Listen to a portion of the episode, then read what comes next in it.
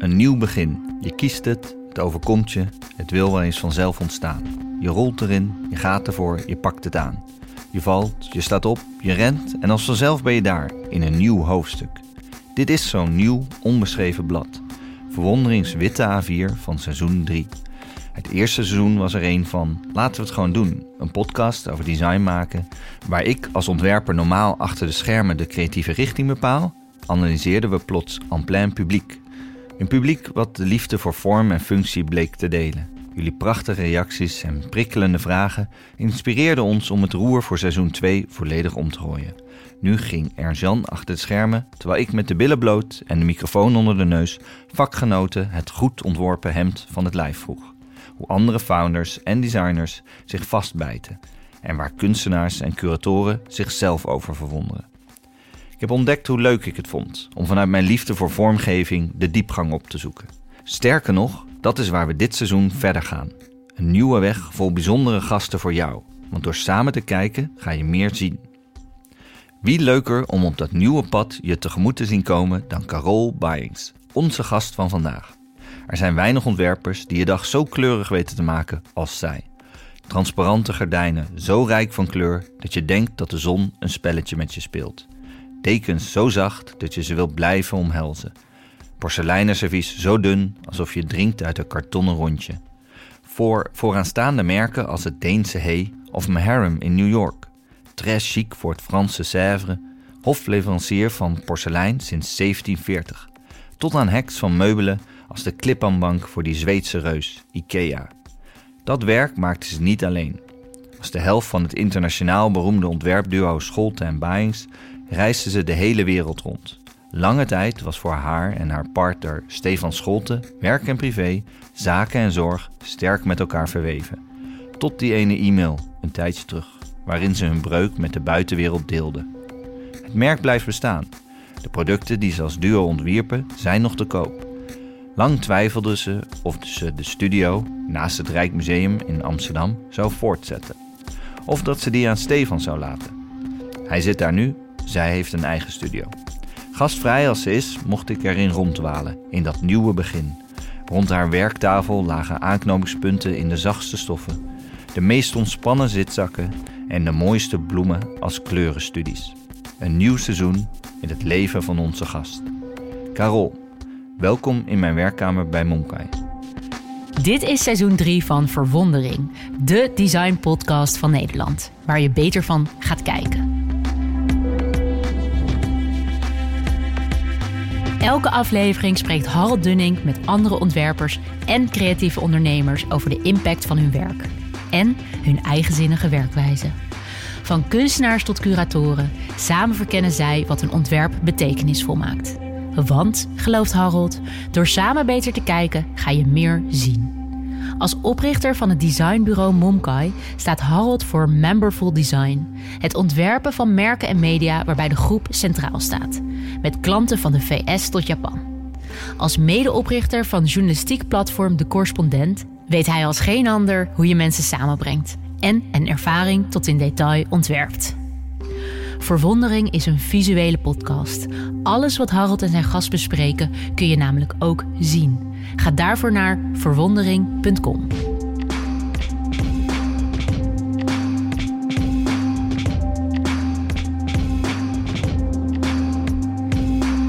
Uh, gisteren uh, bij jou zag ik naast je meubels overal hele mooie soort ja, misprints liggen. Uh, zeg maar prototypes van de uiteindelijke ontwerpen. Kleden met een foutje. Lukt het wel eens om die weg te gooien of eisen je vrienden ze altijd op? Nou, mijn vrienden zijn, eh, gaan er wel prat op. Ja. en um, ja, ik, ik moet ze natuurlijk altijd zo lang bewaren dat ik in ieder geval zeker weet dat uh, het echte final prototype goed is. Ja. Um, en dan, uh, nou, ik ben zelf ook niet zo goed in weggooien, maar Ja, dat heb ja. heb je waarschijnlijk al gezien, dus wij hebben, Stefan en ik hebben een heel groot archief Ja. in Aalsmeer. Ja. Eh, want we hebben door de jaren heen natuurlijk altijd onze eigen collecties gekregen ook. Ja. Ik heb altijd gezorgd dat we altijd minimaal één hele set kregen van wat we dan ontwierpen. Omdat sommige sets ja, zo kostbaar waren dat we ze anders zelf niet eens hadden kunnen betalen. Dat je eigen werk niet kunnen kopen. Nee, en dat is natuurlijk heel gek. Ja. Dus het leuke was, want ik zeg eigenlijk altijd tegen mijn klanten van... goh, eh, ik wil het product wel proberen of hè, Ja. als het er al is. Ja. Hè? Eh, net zo goed als we toen, dus zeg maar toen we aan bijvoorbeeld die Mini... eh, die auto Ja. werkte voor Mini... dat ik ook tegen Adriaan van Hooijdonk, hè, de vice-president design, had gezegd... goh, maar dan moeten we er wel in rijden, want... Dat is natuurlijk toch belangrijk dat we Ja, ja, ja. voelen hoe zo'n auto... Toen mocht je een, BB even een mini rijden. en toen belde hij op een dag en toen zei hij... Goh, ehm, wil je er één of wil je er twee? en toen zei ik, nou, doe dan maar twee. En toen zei Ja. ja, maar heb je dan wel een parkeervergunning? Ja hoor, dat wordt wel geregeld. Want eh Adriaan van Hooydonk ehm, is inderdaad eigenlijk de, de hoogste persoon bij binnen de BMW-groep. Ja. Eh, een Nederlander ook die eh, eigenlijk alle designs overziet. Ja, in de tijd van Scholte en eh, heeft hij jullie een keer gevraagd om eigenlijk gewoon een helemaal ja, een ander soort auto uit te verzinnen. Of een variant op een Mini te verzinnen. Ja, nou, hij, hij was eigenlijk heel open. Hij zei, goh, ik heb een opdracht en eh, willen jullie naar München komen? Nou, wij wisten niet of het over BMW zou gaan of over Mini. En het jaar daarvoor had Patricia Urgiola had, eh, de BMW eh, vormgegeven en die was Mhm. daar getoond. En toen kwamen we en toen... eh, en we, nou, we hadden wel gevraagd, goh, wat, wat is het schema van de dag? En toen kregen we allemaal me- mini-mensen. Dus Ja. Mini-mensen. Zijn dat de volwassen mensen of zijn dat hele kleine mensen? Ja. Die zijn heel speciaal. Ja. Ehm, en, eh, nou ja, en toen ging het dus over Mini. En omdat wij natuurlijk zoveel ervaring in Milaan hebben op de meubelbeurs, was de vraag eigenlijk van: goh, kun, hè, zouden jullie iets kunnen doen met Mini? Ja. Wat bijzonder is om daar te tonen. Ja, en ik, ik, ik had, eh, ik denk drie maanden daarvoor zo tegen Stefan gezegd: lijkt me nou echt zo geweldig om een keer een auto vorm te geven. ja. En Stefan heeft eigenlijk niks met auto's. En nou ja, goed. Dus ja, dat was gewoon Ja. zo'n beetje gevallen. Maar ik denk dat dat, dat dat is dan ook altijd zo'n wens die als je die Ja, ja, ja. uitspreekt, hè, goed, dan, hè, dan komt die ergens. Dus toen zei ik tegen Stefan, ja, weet je, dit is onze kans. Zullen we gewoon die hele mini aanpakken? En gewoon ja, een hele conceptuele conceptcar bedenken. En echt kijken naar hoe, hoe wordt zo'n auto helemaal opgebouwd. En toen hebben we dus gezegd, goh, mogen we niet een mini van jullie die we helemaal uit elkaar halen? Want dat had je echt nodig. Ja, Ja. dus die, nee, en nee, Ja. die twee, daar mochten we gewoon in rijden. Maar we hebben er ook één gekregen die we echt wel helemaal uit Oh, elkaar hebben gehaald. Ja. En die komt precies in onze studio, net door de twee grote deuren. En die hebben we helemaal uit elkaar gehaald. En daar hebben we dus ook echt, ja, wel ook art parts gemaakt met onderdelen. En dan zie je ontiegelijk veel... eh, Heel complex natuurlijk. heel complex, maar ook de dikte en ook ja, de. Tuurlijk voor safety, maar goed, Ja. is het allemaal nodig? Hè? En dat vraag je dan af. En ehm, Ja, want het is een. eh, wat jullie maakten was bijna een geperforeerde, bijna een witte auto, toch? Een, ehm, eh, want dit klinkt waarschijnlijk heel abstract, dus als je nu benieuwd bent, waar, heeft gehoord over?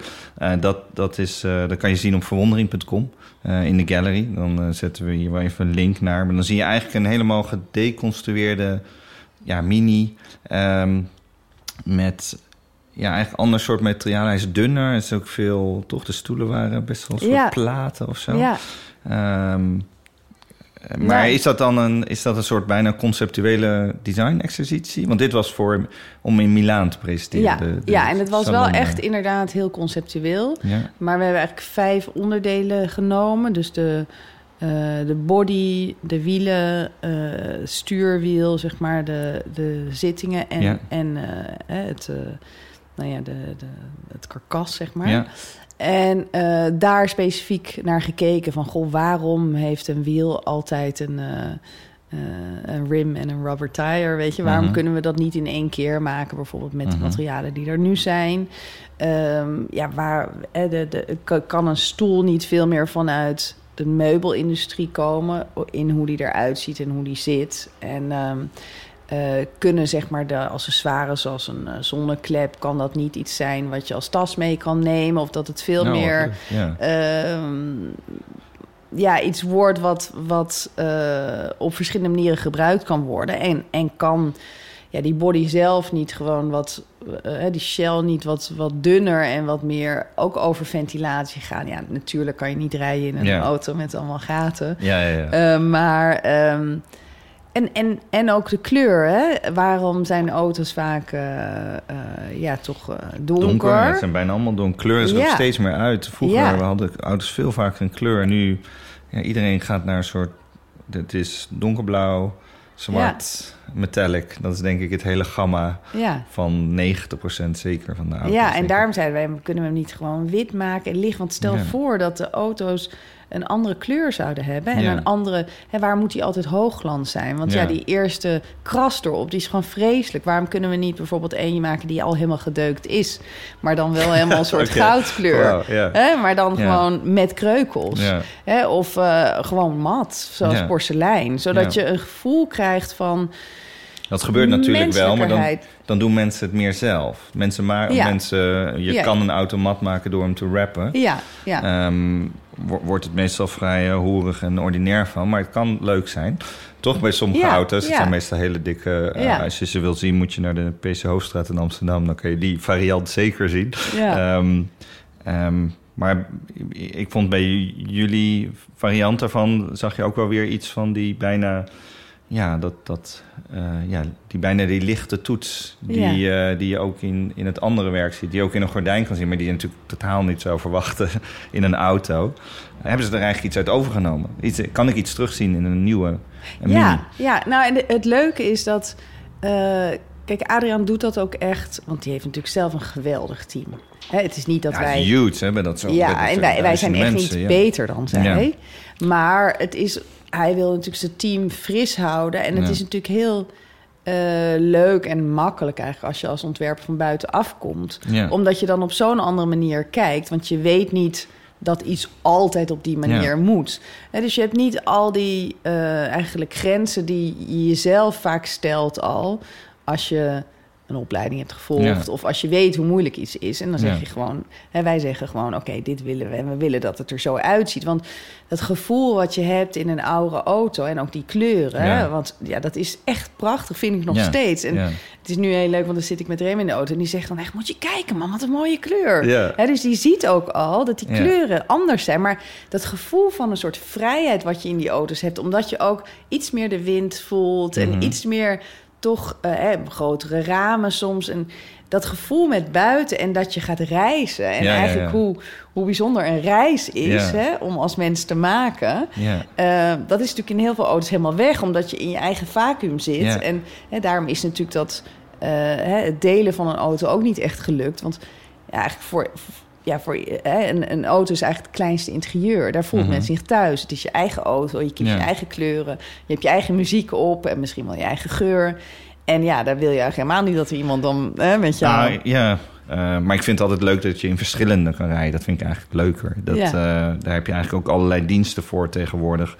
Ehm, waarbij, ja, ik kan me voorstellen dat je uiteindelijk, als dit zeg maar steeds meer, ehm, eh, meer autonoom rijden gaat krijgen, dat je uiteindelijk meer, dat het als een trein wordt. En dat je van een trein ook heel erg kan genieten als die gewoon, zeker een Nederlandse trein, dat die gewoon goed zijn ontworpen. En, maar het is wel iets minder het bezit van het interieur. Maar jullie keken er meer naar. Nou ja, als- maar dat heeft Adriaan dus gedaan. Die Ja. heeft eigenlijk die link gelegd. Want in, precies wat je zegt, in, in Duitsland zijn dus al die auto's. Die kan je al. Hè, dan kan je gewoon een mini huren. Want dan zit je, maar dan zit je niet in zo'n lullig grote autootje, Ja, weet je, met lelijke eh, belettering. Maar je kan gewoon ergens mee aankomen. En hij heeft zeg maar de, de, een aantal van de features die wij hebben ontworpen, die worden dus nu toegepast op die elektrische mini, zeg Ja. maar, die je daar kan huren. Oh, Eh, wat voor leuk. iedereen. Ja, Oh, dus wat. dat is natuurlijk superleuk. Ja. Ja. Ik vind bij Mini altijd, eh, vind ik altijd een, een schattig klein detail. Als je achter een Mini zit, dan zie je in de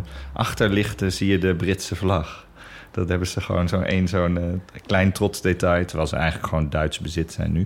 Maar er zit er nog één mooi Brits, Brits design detail. Ehm, ja, dat eigenlijk dat hele deconstrueren van, van wat een, wat een, hoe een object nou precies in elkaar zat. Dat zag eigenlijk ook gebeuren eh, bij, in jouw atelier. eh, bij jou, het is nu jouw huis en je studio zijn één. Maar dat ehm, was niet zozeer van jou, maar van Rem, je zoon van, van, van zeven. Dat die eh, een oude tv van straat had gesleept en dat helemaal uit elkaar eh, had gehaald. En een oude tv heeft nog, ja, dan is er nog zo'n dikke beeldbuis met zo'n grote ja, glazen plaat. Eigenlijk heel mooi. Het was eigenlijk dat nou, hij had het helemaal gesloopt eigenlijk. Maar ik vond het eigenlijk weer heel mooi om te zien. Ehm, ga je ook anders kijken naar objecten dankzij hem? Ja, zeker. Ja, ik denk dat een kind toch wel... eh, een kind is eigenlijk denk ik ook eh, net zoals ehm, misschien je goede vrienden... of, of eh, zodra een, een, product uitkomt... eh, eh, zorgt een kind echt dat je door, door zijn ogen kan kijken. En, en hij is natuurlijk echt de nieuwe generatie. Ik kan nooit in zijn tijd stappen, maar ik, ben er, ik kan wel meekijken. En ik, kan, en ik, ja, ik hoop dat ik hem kan geven wat bij hem past... zodat hij zich zo kan ontwikkelen zoals, nou ja, wat echt hè, bij, bij hem past. En, ja, en in dit geval, en het is heel leuk, want Stefan deed dat vroeger ook. Die haalde ook alles uit elkaar. Maar die haalde dan dingen uit elkaar die van, van zijn ouders waren. Dus die waren daar natuurlijk niet zo blij mee. Ja, het is- Maar ik heb dat ja. altijd onthouden. En Ja. nu is het dus zo dat ja, Rem zijn favoriete dag is vuilnisdag. En, Ja. en grof vuil natuurlijk, hè, grof vuildag. En dan zegt hij, mama, is het vuilnisdag morgen? En dan zeg ik, ja, ja, morgen. Oké, oké. En dan springt hij echt heel vroeg uit zijn bed. En dan trekt hij zelf zijn kleren aan. Nou, normaal gaat het Ja, nooit ja. zo snel. En dan gaat hij gewoon kijken. En dan Ja. haalt hij de meest mooie dingen eh, weg. Maar vooral ook dingen die hij uit elkaar kon halen. Ja, ik zag een eh, hele grote doos van Van Moof. Ja, ja. dus mijn vrienden zeiden, goh, heb je een nieuwe fiets? Ik zei, nee, nee. Alleen de doos. Ja. Ja. maar goed, hij is dan zo klein. Daar kan hij dus in zitten. Dus daar had hij een raampje in gemaakt. En nee, ik zit even in mijn huisje, mama. En eh, de deur, en dan had hij ook een soort plastic... eh, want dan kon hij dan weer voor het raam zetten. Dat was dan het glas. En nou ja, goed, wel heel groot. Dus je kon niet echt heel... Want hij stond eerst in de gang. Ja. Niet heel goed meer door de gang. Dus nu was hij verhuisd naar... naar de tuin, maar dat vond hij dan toch niet zo goed plan. Dus gisteren, want het gaat natuurlijk regenen vandaag. Want dan vraagt hij wel elke dag van... eh, mama, maar gaat het regenen? Want mijn Oh, je, je, mijn hut, hè? Ja. Ja. mijn huis. Dus we hebben er gisteren een heel groot zeil overheen gedaan. En welke regel geef je hem bij, die, eh, bij, bij dat... eh, Hij is eigenlijk een, een stadsjutter, een soort Ja. in de stad. ja, ja, nee, de regel is één ding in, één ding uit. Ja. En heel af en toe, als hij dan natuurlijk niet bij mij is, dan, eh, ja, dan gooi ik eh, Ja, iets stiekem weg. en dan heel soms heb ik pech, want dan staat het er nog en dan zegt hij echt... Mama, dat mag je helemaal niet weggooien. Dat ga ik maken. dat, want hij kan ze ook weer in elkaar zetten... of komt dat er toch niet zo van? Nou, nee, dat, eh, dat, eh, daar had ik het later met een coach over. Ik zei, goh, eh, ik ben nu ook bezig om te leren om het weer in elkaar te zetten. Ik moet dan zelf ook heel goed opletten, want ik bedoel, heel veel weet ik natuurlijk nog, ook nog niet. En toen Ja. zei die coach, nee hoor, dat is echt helemaal niet de bedoeling. Ja, ja, Je moet hem gewoon laten doen wat hij wil. ja. Waarom moet hij het weer in elkaar zetten? Wat is dat nou? Laat dat kind gewoon lekker spelen, kom vanzelf. Ja, Toen dacht ik, goh, ja, dat is voor mij eigenlijk ook heel relaxed. ja. dan laat ik hem gewoon en eh, ja, gewoon alleen aandacht geven. Of in ieder geval laten voelen dat ik weet dat hij lekker bezig is Ja. en dat het verder oké is wat hij doet. Ja, het lijkt me heel leuk. Het is heel, soort- en het is heel, eh, hij is creatief en nieuwsgierig dan. Dat lijkt Ja. me ook heel leuk voor je om te, om te zien. Ja, Ehm, nou, we, we hadden het in het begin al over. j- Jullie zijn natuurlijk zelf ook uit elkaar. Maar eh, als, als stel en ook als, als, eh, als, als duo in het werk. Wat, wat, voor, wat doet dat met jouw vrijheid, zeg maar, nu je zelf dingen kan bepalen? Maak je andere keuzes? toen we uit elkaar gingen, dan ik ben er heel erg tegen eh, er tegen aangelopen dat eh, hè, het. Ik dacht gewoon, dat gaat mij nooit overkomen. Mijn ouders zijn zelf gescheiden. Ik ga gewoon niet scheiden. Weet je? Gaat me gewoon niet gebeuren. En dan, nou ja, dan, dan gebeurt dat zo. En dan ben je dus ineens gescheiden. Eh, en ik liep heel erg tegen die soort van stickers of hokjes aan. Van dat je dus, dat is erg als je gescheiden bent. Of hè, dat is eh, niet wat ik wilde voor mijn kind. Hè, om alleen op te voeden en niet als gezin. En, Ehm, maar daarin ga je natuurlijk een, eh, ga je in de rouw en ga je in die zoektocht. En nu ben ik erachter dat, dat het eigenlijk zo'n groot cadeau is. Omdat ik heb gezien dat dat gewoon ook maar plaatjes zijn. En dat in onze cultuur is als iets eindigt, is het eigenlijk verkeerd. Oh, maar ja, waarom ja, ja. is dat eigenlijk zo? Weet je, want een, een einde is, kan ook een, gewoon een, nieuw begin, ja. zijn. En ik ben nu zo ontzettend veel vrijer, eh, ook in mijn eigen denken en, en, eh, en doen, dat ja, dat had ik nooit willen missen. Dus hè, ik kan bijna zeggen van... oké, hij heeft me een cadeau gegeven. Ja. Hè? Eh, want ik was nooit gegaan.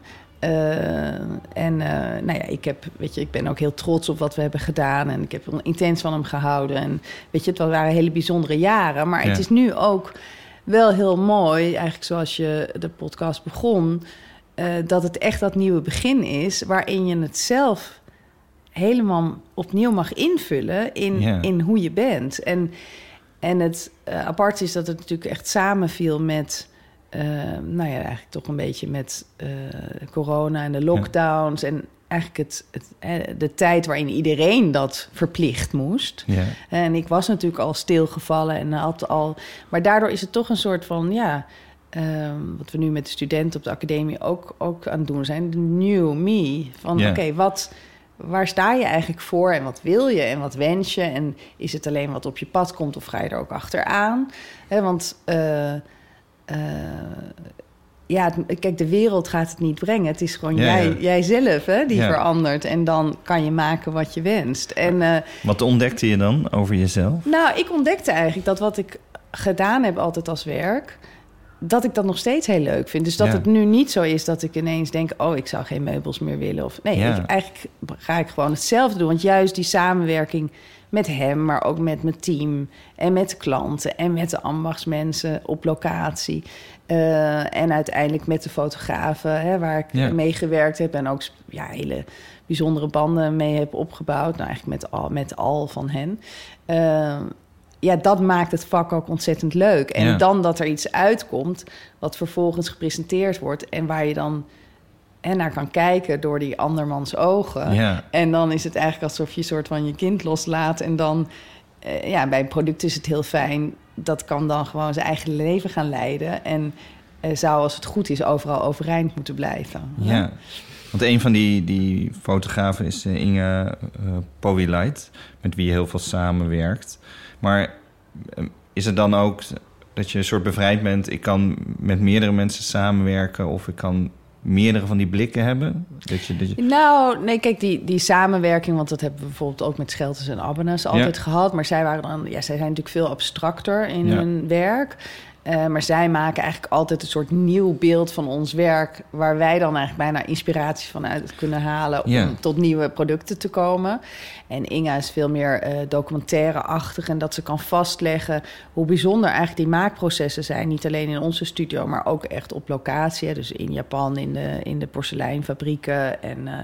eh, nou ja, bij Mini, hoe ze dan zo'n prototype helemaal eh, hè, bouwen. Want Ja. dat wordt toch echt met de hand nog met klei helemaal gemaakt, zo'n auto. Hè? Door ja. echt eh, waanzinnige vakmensen natuurlijk die dat helemaal kunnen. Eén op één wordt die Ja, één op één. En, en echt zoals ze dat zelf ook in de studio's bij BMW doen. Gewoon wel echt met de hand. En dan zie je dat, het maakt niet uit of het nou over een auto gaat of over porselein. Het is toch altijd dat oog en die hand die het verschil maken. Want die, gaan, die kunnen die perfectie zien. Het is niet die robot die, die... Kijk, die robot hangt die deur er wel in. Maar Ja. het is wel die mens die nog even zorgt dat die precies goed gesteld is. Ja. Dus dat is natuurlijk zo bijzonder, omdat eigenlijk vind ik als ontwerper om dat aan het publiek eigenlijk te laten zien. Omdat Ja. ja, eh, nou ik geloof dat je per dag op eh, ik weet niet 11 tot 16 verschillende stoelen zit Ja. en die zijn allemaal ontworpen. Ja. En alles waar je uit drinkt en eet en eigenlijk alles wat je aan hebt en- is ontworpen. En eh, maar ja, daar daar ben je natuurlijk nooit mee bezig als mens en dat is ook prima. Heel gezond, denk ik. Ja. Ik hoop altijd dat deze podcast je een beetje beter laat kijken... dat Ja. een, dat een eh, stoeprand ook is ontworpen of eh, de weg op Schiphol. Ja. Inga is ook iemand die ik dan ontwerpen laat zien. Ja. En want dat was natuurlijk bijzonder in de samenwerking met Stefan... dat je toch met elkaar een soort klankbord hebt. Ja. Eh, en dan, Nou, en- je, je maakt je beste werk samen, zeiden Ja. jullie altijd Ja, in ja. interviews. Ja, precies. En, en nu is het zo dat ik een aantal mensen heb... waarvan ik weet waar ze staan ongeveer in het spectrum. Ja. En die laat ik dan ontwerpen zien. En dan weet ik aan hun reacties... kan ik dan eh, reflecteren voordat het echt uitkomt. Ja, ik denk dat dat een heel. eh, Ik, ik ben heel blij ook te horen dat je dat nu vindt in, in andere, andere mensen. Want ik merk altijd in teams. Eh, ik vind zelf altijd als je, als je alleen jij eraan naar hebt gekeken of alleen hebt, uh, gewerkt, dat is niet af. Dus heel vaak wordt er tegen mij gezegd: dit is af. Nee, het is niet af. Wij gaan er nu samen over praten. Ja, en wie weet waar, waar, waar, we. Ja, het begint net, zeg maar. Het gesprek gaat nu beginnen. Um, en, juist heel erg vanuit het idee dat je beste werk samen maakt. Maar dat dat. Uh, en ik denk ook dat je bijna alles in creativiteit kan terugbrengen tot tweetallen. Dat je dat uh, tik met iemand. Of ik nou voor de uh, podcast met Botte, Botte Jellema, onze audioproducer, kaats over: hey, is dit inhoudelijk nou goed? tot aan een design met een UX-designer. Dat ja, bijna alleen al dat je moet vertellen aan iemand van ik koos deze kleur of ik koos dit materiaal. Dan hoor je zelf iets zeggen en denk je, hm, wacht even, ja. En dan gaat die ander weer reflecteren. Daar maak je heel erg goed werk uit, denk ik. Um, maar goed, in jullie geval, kijk, er is een keuze gemaakt. Maar er is natuurlijk ook nog een team die, werk, die werkt bij een studio waar twee namen staan. Hoe, hoe, was, hoe was dat voor het team, die, die transitie of die breuk? Nou, um, ik denk dat we daar eigenlijk het slechtste hebben gedaan. Um, ze hebben best wel lang in onzekerheid gezeten. Ook omdat wij het echt niet wisten. Nee, hè, want ik had wel. Uh, we hebben nog acht maanden samengewerkt. En ik dacht eigenlijk van, goh, nou misschien kan dat gewoon wel. Want er zijn natuurlijk ook duo's hè, die nog wel samenwerken en die toch uit elkaar zijn gegaan privé. Oh, ja, ja. En nou ja, dat zijn dan goede voorbeelden, hè, denk je dan. Ja. Uh, maar uiteindelijk... Wie zijn zulke voorbeelden? Um, nou, bijvoorbeeld uh, Atelier NL en volgens mij Jurgen Bij. En uh, nou ja, Nienke en Job hebben heel lang nog samengewerkt. Die zijn nu wel, dan wel echt uit elkaar. Ja. Uh, maar goed, dus... Maar dan, is, dan woon je niet meer samen of ben je geen partners meer... maar je wel nog in het werk een partner. Ja. En dat hebben jullie acht maanden gedaan? Ja, dat hebben we acht maanden nog gedaan. Maar die onzekerheid en dat... Kijk, hoe goed we het hebben geprobeerd te doen voor ons kind. En Rem was toen vier, dus die was best wel klein nog... Uh, hè, en dan, dan zeg je natuurlijk echt van, goh ja, papa en mama, hè, die, uh, uh, nou, die probleem heeft niks met jou te maken en wij gaan dat oplossen. En we houden jou op de hoogte, weet je zo. Mm. Nou ja, ja, ja, ja, dat lijkt me heel lastig. nee, maar ook, er is een, het is een heel mooi ja. filmpje van een of ander jeugdprogramma. En daar doen ze dan het omgekeerde. Dan komen dus kinderen binnen en die gaan dan ineens tegen hun ouders zeggen... ja, papa, mama, ja, weet je, ja, jouw gezeur altijd over dat huiswerk... en uh, van jou mag ik nooit uh, yoghurt eten. Wij hebben andere ouders gekozen. Dus, uh, en dan zie je de ouders wow. helemaal ontredderd.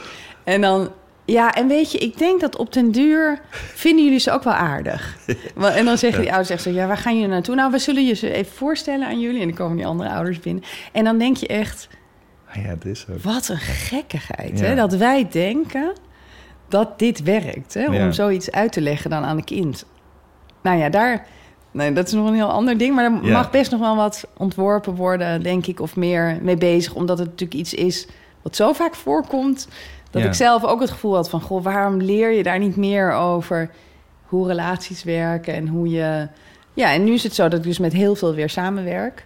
Dus dat is super fijn. Maar zijn, is dat verschillende kanten op gegaan? Of is dat, ja, dus best veel zijn weggegaan. Dus ja. één, één meisje is bijvoorbeeld, die kwam uit Zweden. Die was helemaal verhuisd voor ons. En die heeft hier best lang gewoond. Maar die had alweer een kindje gekregen. Dus die is nu terug verhuisd naar Zweden. Maar daar werk je mee? Maar daar werk ja. ik heel veel mee. En ik werk veel met... Uh, uh, met een jongen, uh, die 3D, uh, Bastiaan de Nanny, die 3D heel veel print. Nou, geweldig. Die heeft ook heel lang voor ons gewerkt. En Roel de delen, die uh, die is helemaal VR, dus die kan alles uh, 3D uh, zetten. En dan kan je het ook echt met een bril zien. En uh, dus, nou ja, en, en heb ik nog een meisje wat veel bij mij werkt, een Française. En, Heel internationaal En Connie, team. ja, is een modeontwerpster. Connie Groenewegen. Ja. ja, dus heel veel mensen waar ik gewoon weer mee werk. En dat is heel fijn, want precies wat jij zegt, juist in die samenwerkingen. Ik weet precies dat zij uit een andere generatie komen, dat zij soms andere ideeën hebben, maar ook wat hun kunnen zijn, mm -hmm. hè, is. En, zij, en ja. dat je dus daardoor gewoon tot iets beters kan komen met elkaar en, ons, ja. en elkaars kwaliteiten enorm kan gebruiken. En dat zij ook weten, oké, okay, als ik zeg dat ik iets nog niet goed vind, dat dat niet is dat zij niet goed zijn. Ja. Dat ligt er helemaal niet aan, maar dat ik gewoon nog wil studeren op dat het echt wordt wat ik in mijn hoofd heb. En dat is toch een soort, ja, dat is er en dat is een focuspunt. En uh, ja. Ja, dat is meer gewoon, dan ben je gewoon serieus uh, over de inhoud en ja, uh, de lucht ja. omheen. Ja, en dat uh, is gewoon heerlijk als je elkaar zo goed kent om dan ja, eh, Maar misschien was je dan ook vertrouwd in die eerdere samenwerking. Zeg maar. nu, nu, nu ben je door, door hoe alles is gegaan, word je gedwongen eigenlijk weer opnieuw te kijken. En merk je, ja, maar met, dat, met die dame in Zweden kan ik net zo creatief zijn nu. Ja. Dan kan Ja, ik ja. niet per se iets anders. En voor hun is het, nou ja, zij zeggen wel eens van... God, het is eigenlijk zo fijn nu. Want nu is het niet dat we voor twee werken. We werken voor jou. Jij zegt heel duidelijk, dit wil ik. En dit doen we dan. En dan is het niet... eh, bij Stefan en bij mij was het wel eens zo dat hij het een had gezegd en ik het ander Oh. zei. En dan, ja, waar zit het dan? Hè? Ja. En dan kwam het altijd goed hoor, want het werd er altijd beter van. Maar eh, dat was voor hun natuurlijk soms wel eens lastig om te voelen van... oh, welke eh, directie moet ik in en eh, naar wie moet ik nou luisteren? Nee, maar dat is heel krachtig, zeg maar. Dat is gewoon een creatief leiderschap. En dat kan je nu, denk ik, meer claimen. Ehm, in, in New York heb je Zakmeister en Walls.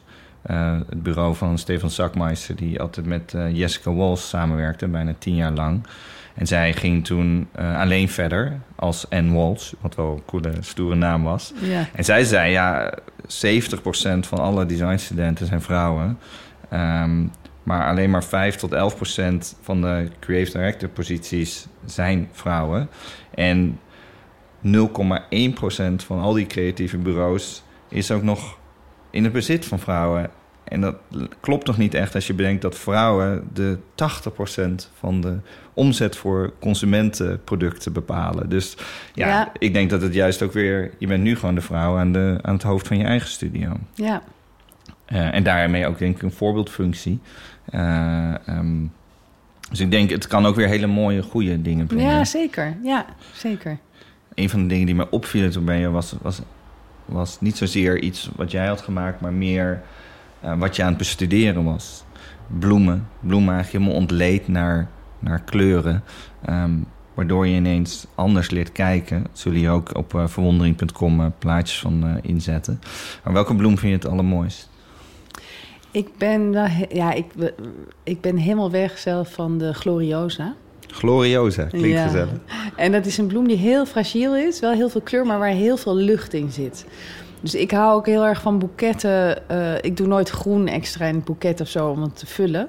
Ik hou heel erg van bloemen die je, je apart kan kopen en die je dan bij elkaar kan doen Ja, en ja, waar je een kleurcompositie mee kan maken. En eh, het was heel leuk. We hadden ooit een eh, presentatie in Milaan voor Herman Miller. Met eh, textielen van Meherm eh, eh, ook gepresenteerd in een soort installatie aan het plafond. Herman Miller is een groot bedrijf eigenlijk die ja, de beroemdste bureaustoelen ontwerpen. En, ja, een ja. heel beroemd ontwerpduo ook van vroeger eigenlijk, toch? Ja, ja Charles en. Ray Eames hebben veel voor hun ontworpen. En wij hebben ook een, een, sofa voor hun sofa systeem, zeg maar. Colorform Sofa Group hebben we voor hun ontworpen.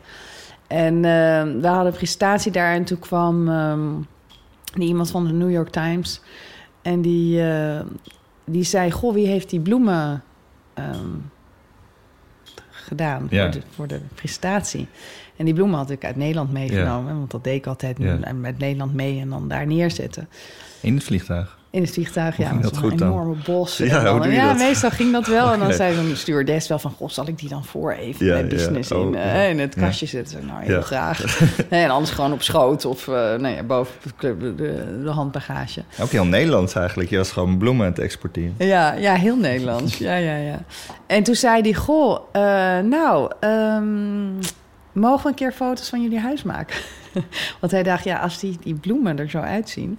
dan moet dat dat huis, huis? Ja. toch wel anders zijn dan Ik anders. snap deze nieuwsgierigheid hoor. Dat had ik ook bij jouw huis.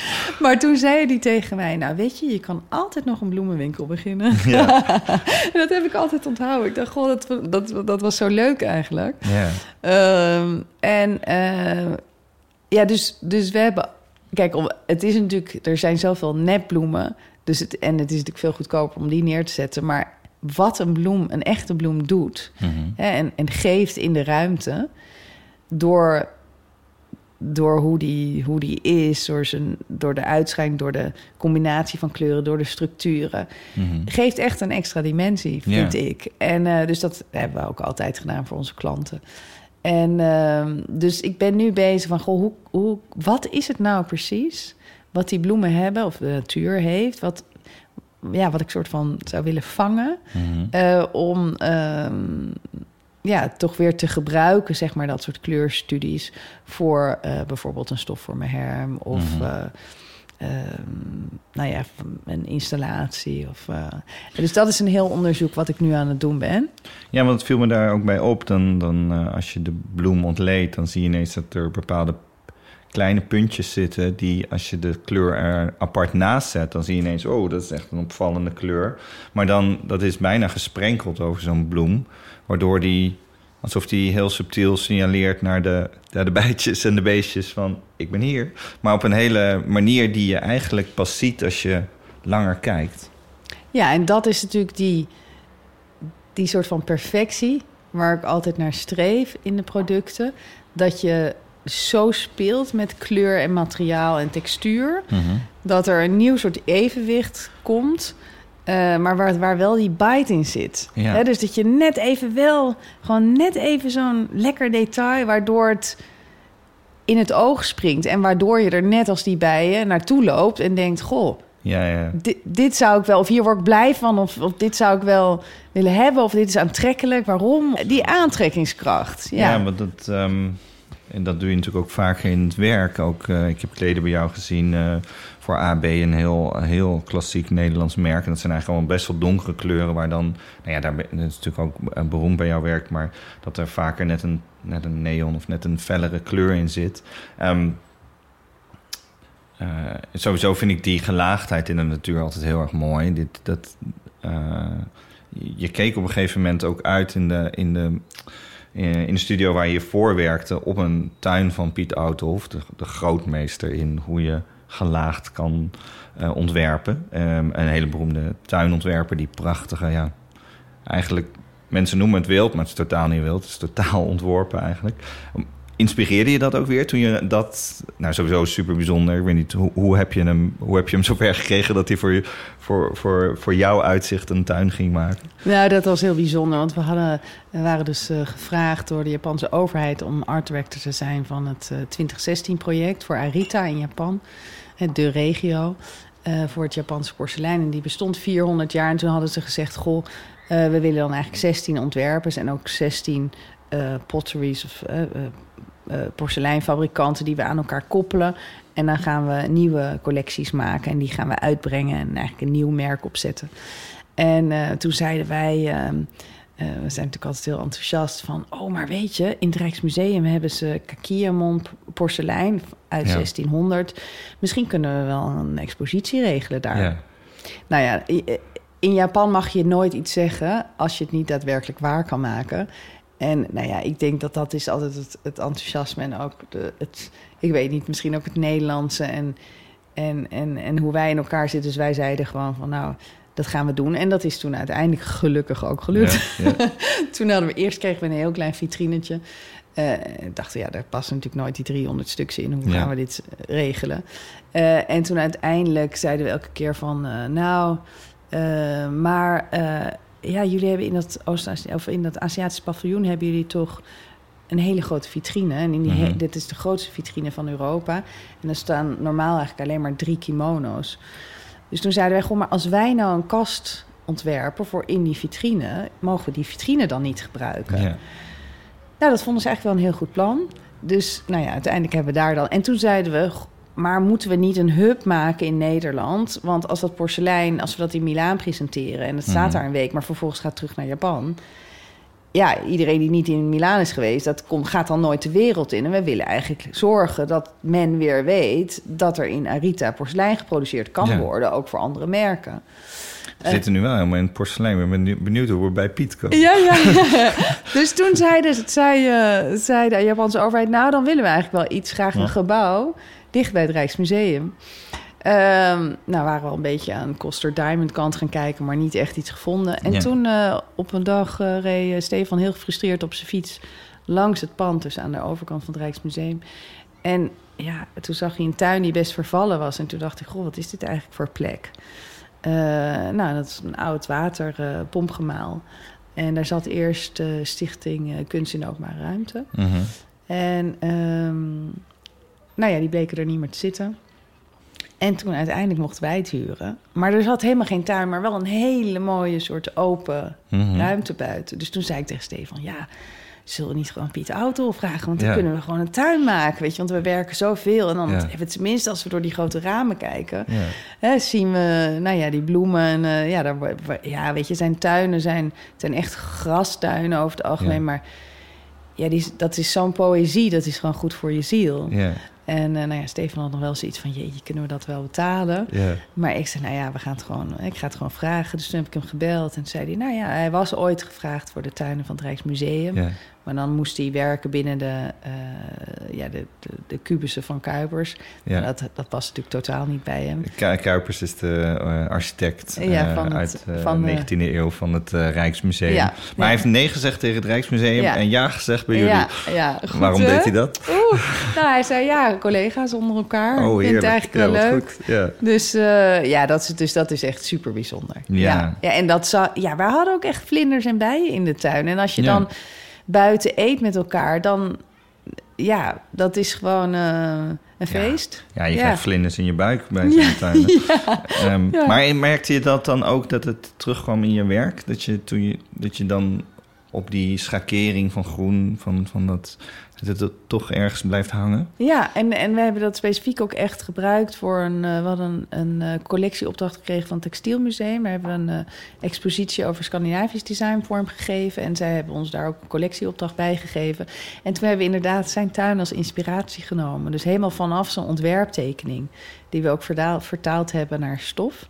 Zijn te- oh, zijn, eh, Echt zijn zijn- tekeningen. zijn oh, tekeningen, ja, zijn want heel zijn leuk kleurrijk. zijn echt- zijn al een feest. Ja. Prachtig. Ja. En, maar daar hebben we ook een soort bladerdek gemaakt van 3D geprinte, hele kleine blaadjes, heel dun. Oh. En, eh, ehm, Eigenlijk weer een, interpretatie daarvan. ja, en we Dus hebben. eigenlijk, eigenlijk nog zoals bij de mini ben je weer gaan deconstrueren. Ja, en we hebben eigenlijk alle, de, alle, alle dieren in onze tuin hebben we allemaal in zilver laten weven op een hele grote deken. En ja. echt, eh, ja, dus het heeft ons zeker geïnspireerd. Ja, Maar is dat... ehm,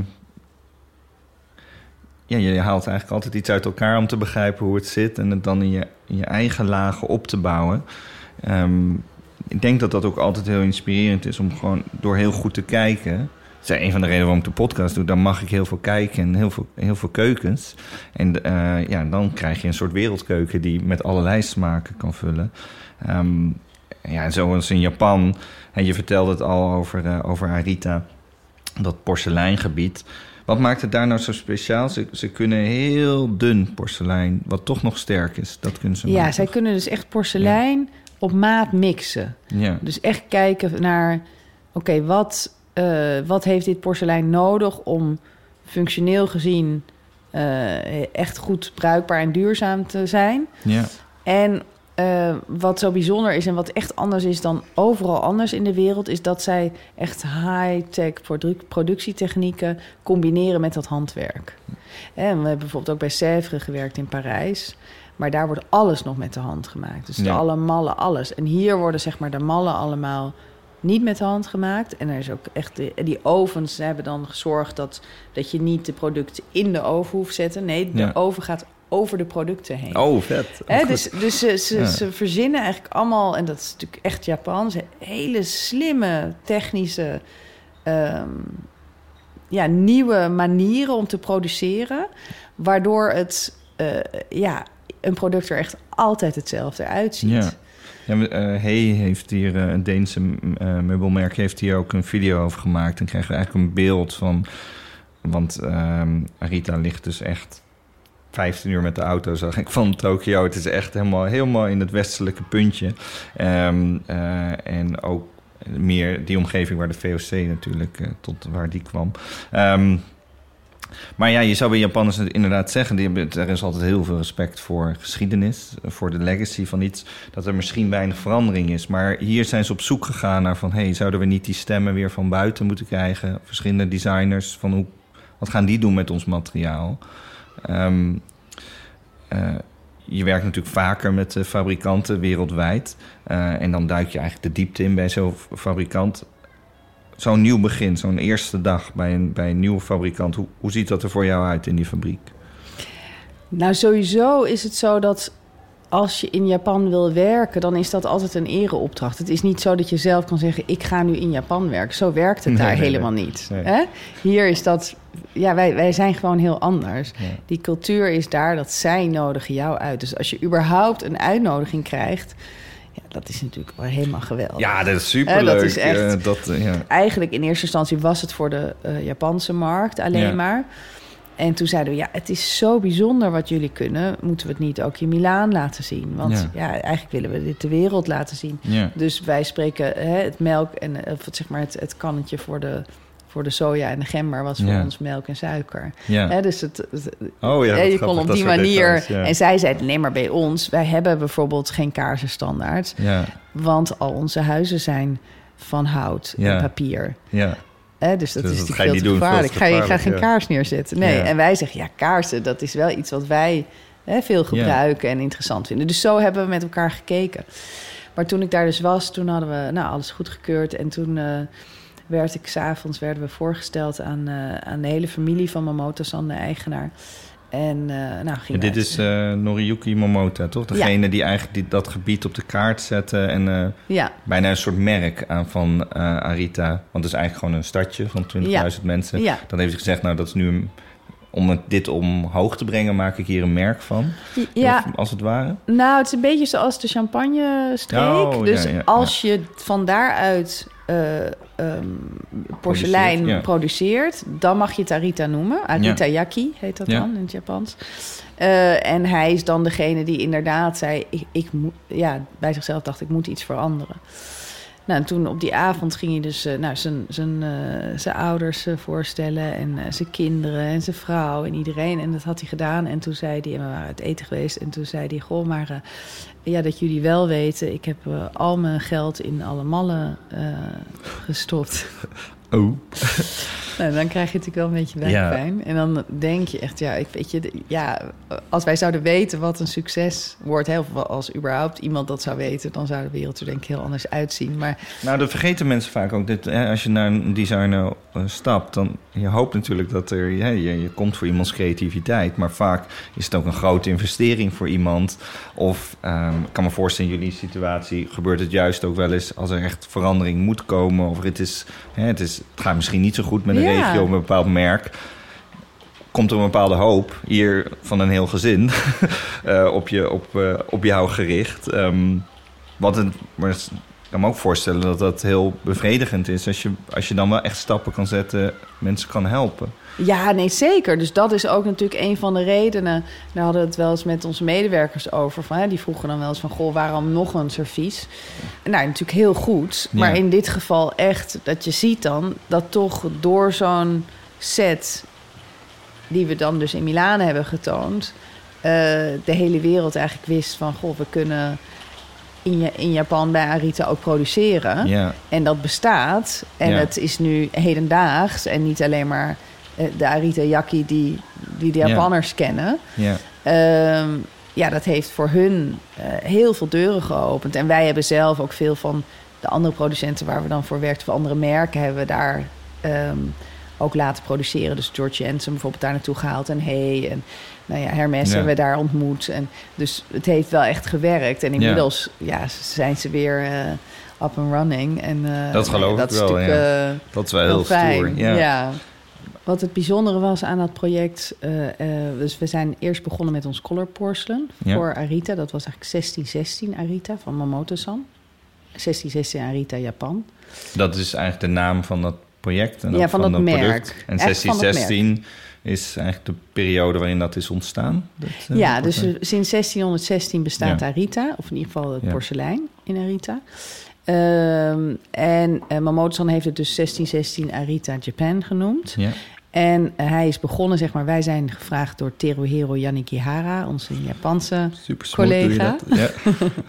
En eh, hij heeft ons ooit eh, eerst bij, een, bij Karimoku New Standard gevraagd. Een, het grote meubelbedrijf van, van Japan. En, en dat is heel succesvol geworden. En toen heeft hij gevraagd, goh, kunnen jullie ook porselein ontwerpen?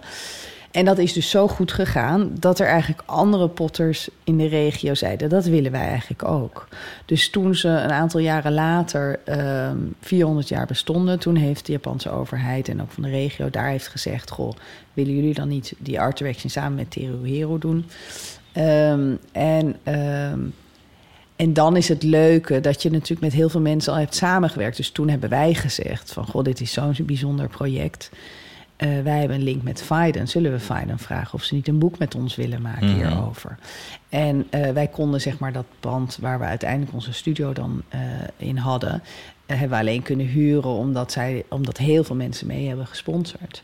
Want het was zo bijzonder om om gewoon die craft daar te kunnen neerzetten. Ja. Dat, uh, nou ja, iedereen wilde wel helpen met uh, Vitra met de stoelen, Voorbouw met de vloeren.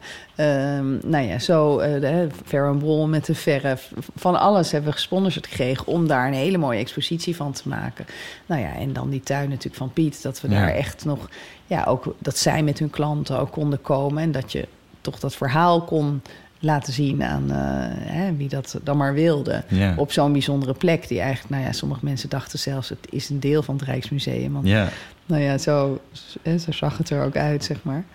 ja, je kan Ja. eigenlijk wat je met die bloemen deed, dat je liefst zelf kiest en plukt en eh, eh, schikt, mag je dat dan ineens doen op, op wereldschaal. En dan met, met zo'n fantastische uh, Fiden, dat zijn echt hele mooie boeken, prachtige uh, Ja. kunstboeken, designboeken, ehm, zo'n uitgever te mogen werken. En eh, hoe- is het nu met dat gebied nu?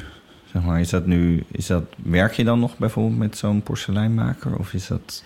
Ja, zeker. En, en uh, wat zo bijzonder was, is dus dat totdat wij het project starten, en dat heette dan 2016, Mhm. omdat dat in 2016 was, uh, hadden die porseleinfabrikanten nog nooit bij elkaar in de keuken gekeken. Want alles was geheim, ook voor elkaar. In dat kleine plaatsje. Ja, in, uh, in, maar ze kenden elkaar natuurlijk wel vanuit Ja. de bar en het Ja, karaoke Iedereen zingen. kent elkaar, ja. Maar je ging echt niet Ja. bij elkaar naar binnen kijken. ja. Dus het heeft ook gemaakt dat die uiteindelijk die tien potters die dan hebben geproduceerd, die zijn hele goede vrienden geworden. Want die hebben samen eigenlijk een soort nieuw bedrijf, hè, een nieuwe collectie gestart. Dus er is, er is een soort sociaal gezien ook een heel nieuw eh, vangnet gekomen en netwerk met elkaar. Om zo kennis te delen dat je gewoon veel sterker bent. Oh, wat leuk. Dus dat is natuurlijk echt, ja, daar krijg ik bijna een kippenvel van. Dat Ja. is gewoon waanzinnig om ja. om te, hè, dat, dat, dat dat dus dan ontstaat vanuit zo'n eh, ja, vraag en eigenlijk creatieve start. Heel mooi. Ja, Eh, ik, ik noem dat eh, een memberful design. Dus dat je eigenlijk in je ontwerp op zoek gaat naar... hoe kan ik nou ehm, ja, betekenisvolle relaties voor mensen creëren? Mijn, mijn achtergrond is natuurlijk veel meer in digitaal werk... waarbij je vaak op de gebruiker richtte. Wat ik eigenlijk een heel ouderwets idee vond. Het lijkt heel transactioneel. Ik kijk veel liever niet naar de gebruiker, maar naar de groep. En het lijkt bijna een soort bijvangst in, in, in het ontwerp wat je daar deed. En, en wat jullie daarna ook nog met het boek en de hele art direction voor dat gebied hebben gedaan. Dat je als het ware ehm, ja, veel meer bent gaan kijken van hoe kan dit meaningful zijn. Ehm, eh, dus memberful staat voor meaningful member experience. Dat je dus veel meer kijkt, ja, wat, wat deelt deze groep? Nou, in dit geval, jij, jij, je hebt eigenlijk deuren geopend. Um, mo mooie papieren schuifdeuren waarschijnlijk geopend, die, uh, die anders gesloten bleven. Um, die uh, ja, een hele regio eigenlijk verheven heeft tot een, ja, tot een ineens op internationaal niveau. Dat mensen denken: wauw, oké, okay, als het daar vandaan komt, is het echt super dun, maar super sterk porselein. Um, en iets, iets doorbroken, wat misschien 400 jaar um, slechts soms uh, in, uh, in een bepaalde toestand in een kroeg gebeurde. Maar ja, heel mooi dat je dat, je dat dan. Ja, zo kan je eigenlijk andere mensen ook weer helpen tot een nieuw begin. Ja, en wat zo, zo leuk is, en ik denk dat we dat misschien in deze tijd ook wel hebben gemerkt, is dat ik weet nog dat ik daar was en we waren aan het werken en waren ook aan het fotograferen. En toen zei mijn motorsan, ja, je moet straks even thee drinken met uh, die eigenaar. Zei ik, nou, daar heb ik echt geen tijd voor, zei ik. en toen zei hij, Jawel, jij gaat even thee drinken. dat kan je natuurlijk helemaal niet Ja. zeggen. Ah ja, tuurlijk. Oké, ik ga even thee drinken. Ja, ja, dat mag je helemaal niet zeggen. Als Nee, je een beetje op helemaal alles niet werkt, zeggen, dan nee. moet je... Als Nee, hoe verzin je het om te zeggen? Ja, Maar dat is ook dat is- heel leuk. Ja, maar dat is natuurlijk waar we... Ik geloof twee weken geleden stond in de New York Times van... eh, weet je, een carrière kan je niet omhelzen. Hè? En een promotie, daar kan je niet mee lachen. En ik denk dat we daar in deze tijd dat zijn tegengekomen... en hebben gezien van hoe belangrijk het is... om dit soort momenten met elkaar... Mhm. Hè, dus het, het met elkaar eten of wel bij elkaar thuis dan zijn... of dat je elkaar mag zien... Mhm. Hè, omdat het niet vanzelfsprekend meer is dat dat kan. Ehm, ja, dat dat maakt dat, dat je omgeving en waar je van eet... en hoe je het presenteert en wat je maakt... en hè, dus een, een, een moestuin of de natuur of, of, of hoe je omgeving is... dat dat eh, zo belangrijk is geworden. Gewoon omdat dat die geluksmomenten geeft eh, Ja. in je leven. Ja. En, eh, Maar ik denk dat dat het allermooiste gift is van het hele corona gebeuren. Is dat je, dat je de rest van je leven gaat denken van... we zijn in ieder geval bij elkaar. Ja. Als, als we een moment mogen vieren van dit gaat nu door. Eh, wij zitten nu bij elkaar in een podcast eh, op te nemen in mijn werkkamer. Ja, dat, je hebt het zo vaak gehad dat het om allerlei redenen met corona heet het of verschoof of niet doorgaat. Dus je denkt, ik denk dat je eh, een leven lang denkt van... maar dit moment wat ik nu heb met deze personen... dit is in ieder geval begonnen. Het, Ja. is, niet, het is niet weer gestopt, zeg maar. De, ik denk dat dat een, een, een prachtig iets is... Wat je, wat je een leven lang kan meenemen. ja, ja. Nou, bedankt dat je hier was in de studio. Eh, en dat wij zo een, een nieuw seizoen samen konden beginnen. ja, hartstikke bedankt. Heel leuk.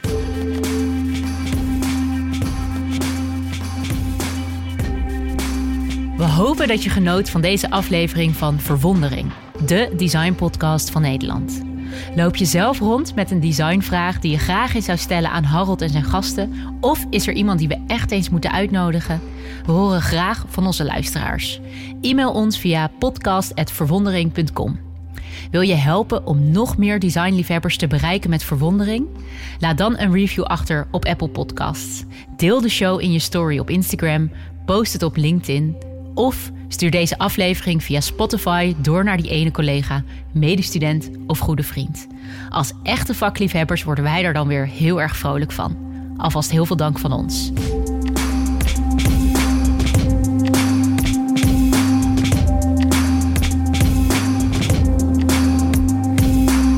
En als laatste vraag. Voor welk ontwerp ben je het meest dankbaar? Ja, dat is toch de natuur. En ehm, dus voor alle bloemen en, en, en kleuren en hoe dat is opgebouwd en de vlinders. En, en eh, je hebt, misschien ken je het wel, eh The Miracle Garden Nee? van Elspeth Diederiks. Elspeth is een heel begenadigd eh, fotografe. En ja, die is helemaal ehm, into gardening. En die heeft in het Erasmuspark een hele mooie tuin. En daar schrijft ze nu ook over. In het Parool heeft ze één keer in de week... mag ze er een bloemen uitlichten. Ja, en die bloemen zijn gewoon echt magic. Dus Ja. elke keer als je die ziet, dan denk je gewoon... nou, dit meen je niet. Is Ja. dit echt? Ja. Hè, qua kleur en opbouw en structuur en, en, en look. En nou, gewoon geweldig, werkelijk. En ehm, ja, dat is ook iets met dat bloemenproject waar ik nu mee bezig ben. Dat ik gewoon zou willen grijpen en een soort kleurcomposities met bloemen zou willen maken die, die eeuwig blijven. Ehm, en eh, nou ja, waardoor ik nu dan ook bij, bij kwekers langs ga om, om te kijken hoe doen ze dat daar. En dat je er eigenlijk achter komt dat er ook heel veel wordt gekleurd en dat er ook echt rozen op de mode worden gemaakt. Die, die, die man ook tegen mij, zeg mij wat de kleuren worden, dan ga ik dat voor volgend jaar. En dat wordt toch ook echt als, als trend. Dan, eh, nu waren het de, de meer eh, smoky eh, rozen, een beetje bruinig. Want je kan ze natuurlijk rozen kweken en daarmee zou je kunnen zeggen... toch, je kan rassen mengen, die Ja. mengen... waardoor je kan zeggen dat je het ontworpen hebt. Ja. Want in principe, Ja. natuur is dan niet... tenzij je bepaalde theorieën volgt... kan je denken dat natuur ook design is. Maar ehm, eh, een soort goddelijk design... Zo, daar heb je ook mensen die meer vanuit die hoek daarnaar kijken. Maar bedoel jij, hoe bedoel jij het? Nou, ik bedoel dus daar bij haar is het allemaal natuurlijk. En en ik was nu aan het kijken, goh, als je naar de bloemenzaak gaat, dan denk je soms, nou, maar dit, deze kleur kan niet, die is gewoon te fel. Ja. En dan blijkt, blijkt ook dat ze gewoon Ja, verven. Ze verven het ook. Ja. dat, eh, En, maar dat het dus wel leuk is dat mijn, mijn ogen me eigenlijk nooit in de steek laten. Dat je toch altijd kan zien wat echt is. Ja. En dat het echte altijd nog het mooiste is. Dus dat is wel... ehm, dat vond ik zelf heel, heel fijn om te, te merken. ja. Ja, Oh, heerlijk. Nou, wij gaan het opzoeken in het Parool. En, eh, en het is een serie, dus het blijft hopelijk... eh, hopelijk zijn er bloemen uit die tuin niet snel op... en kunnen wij blijven meekijken. zeker. Dank je wel.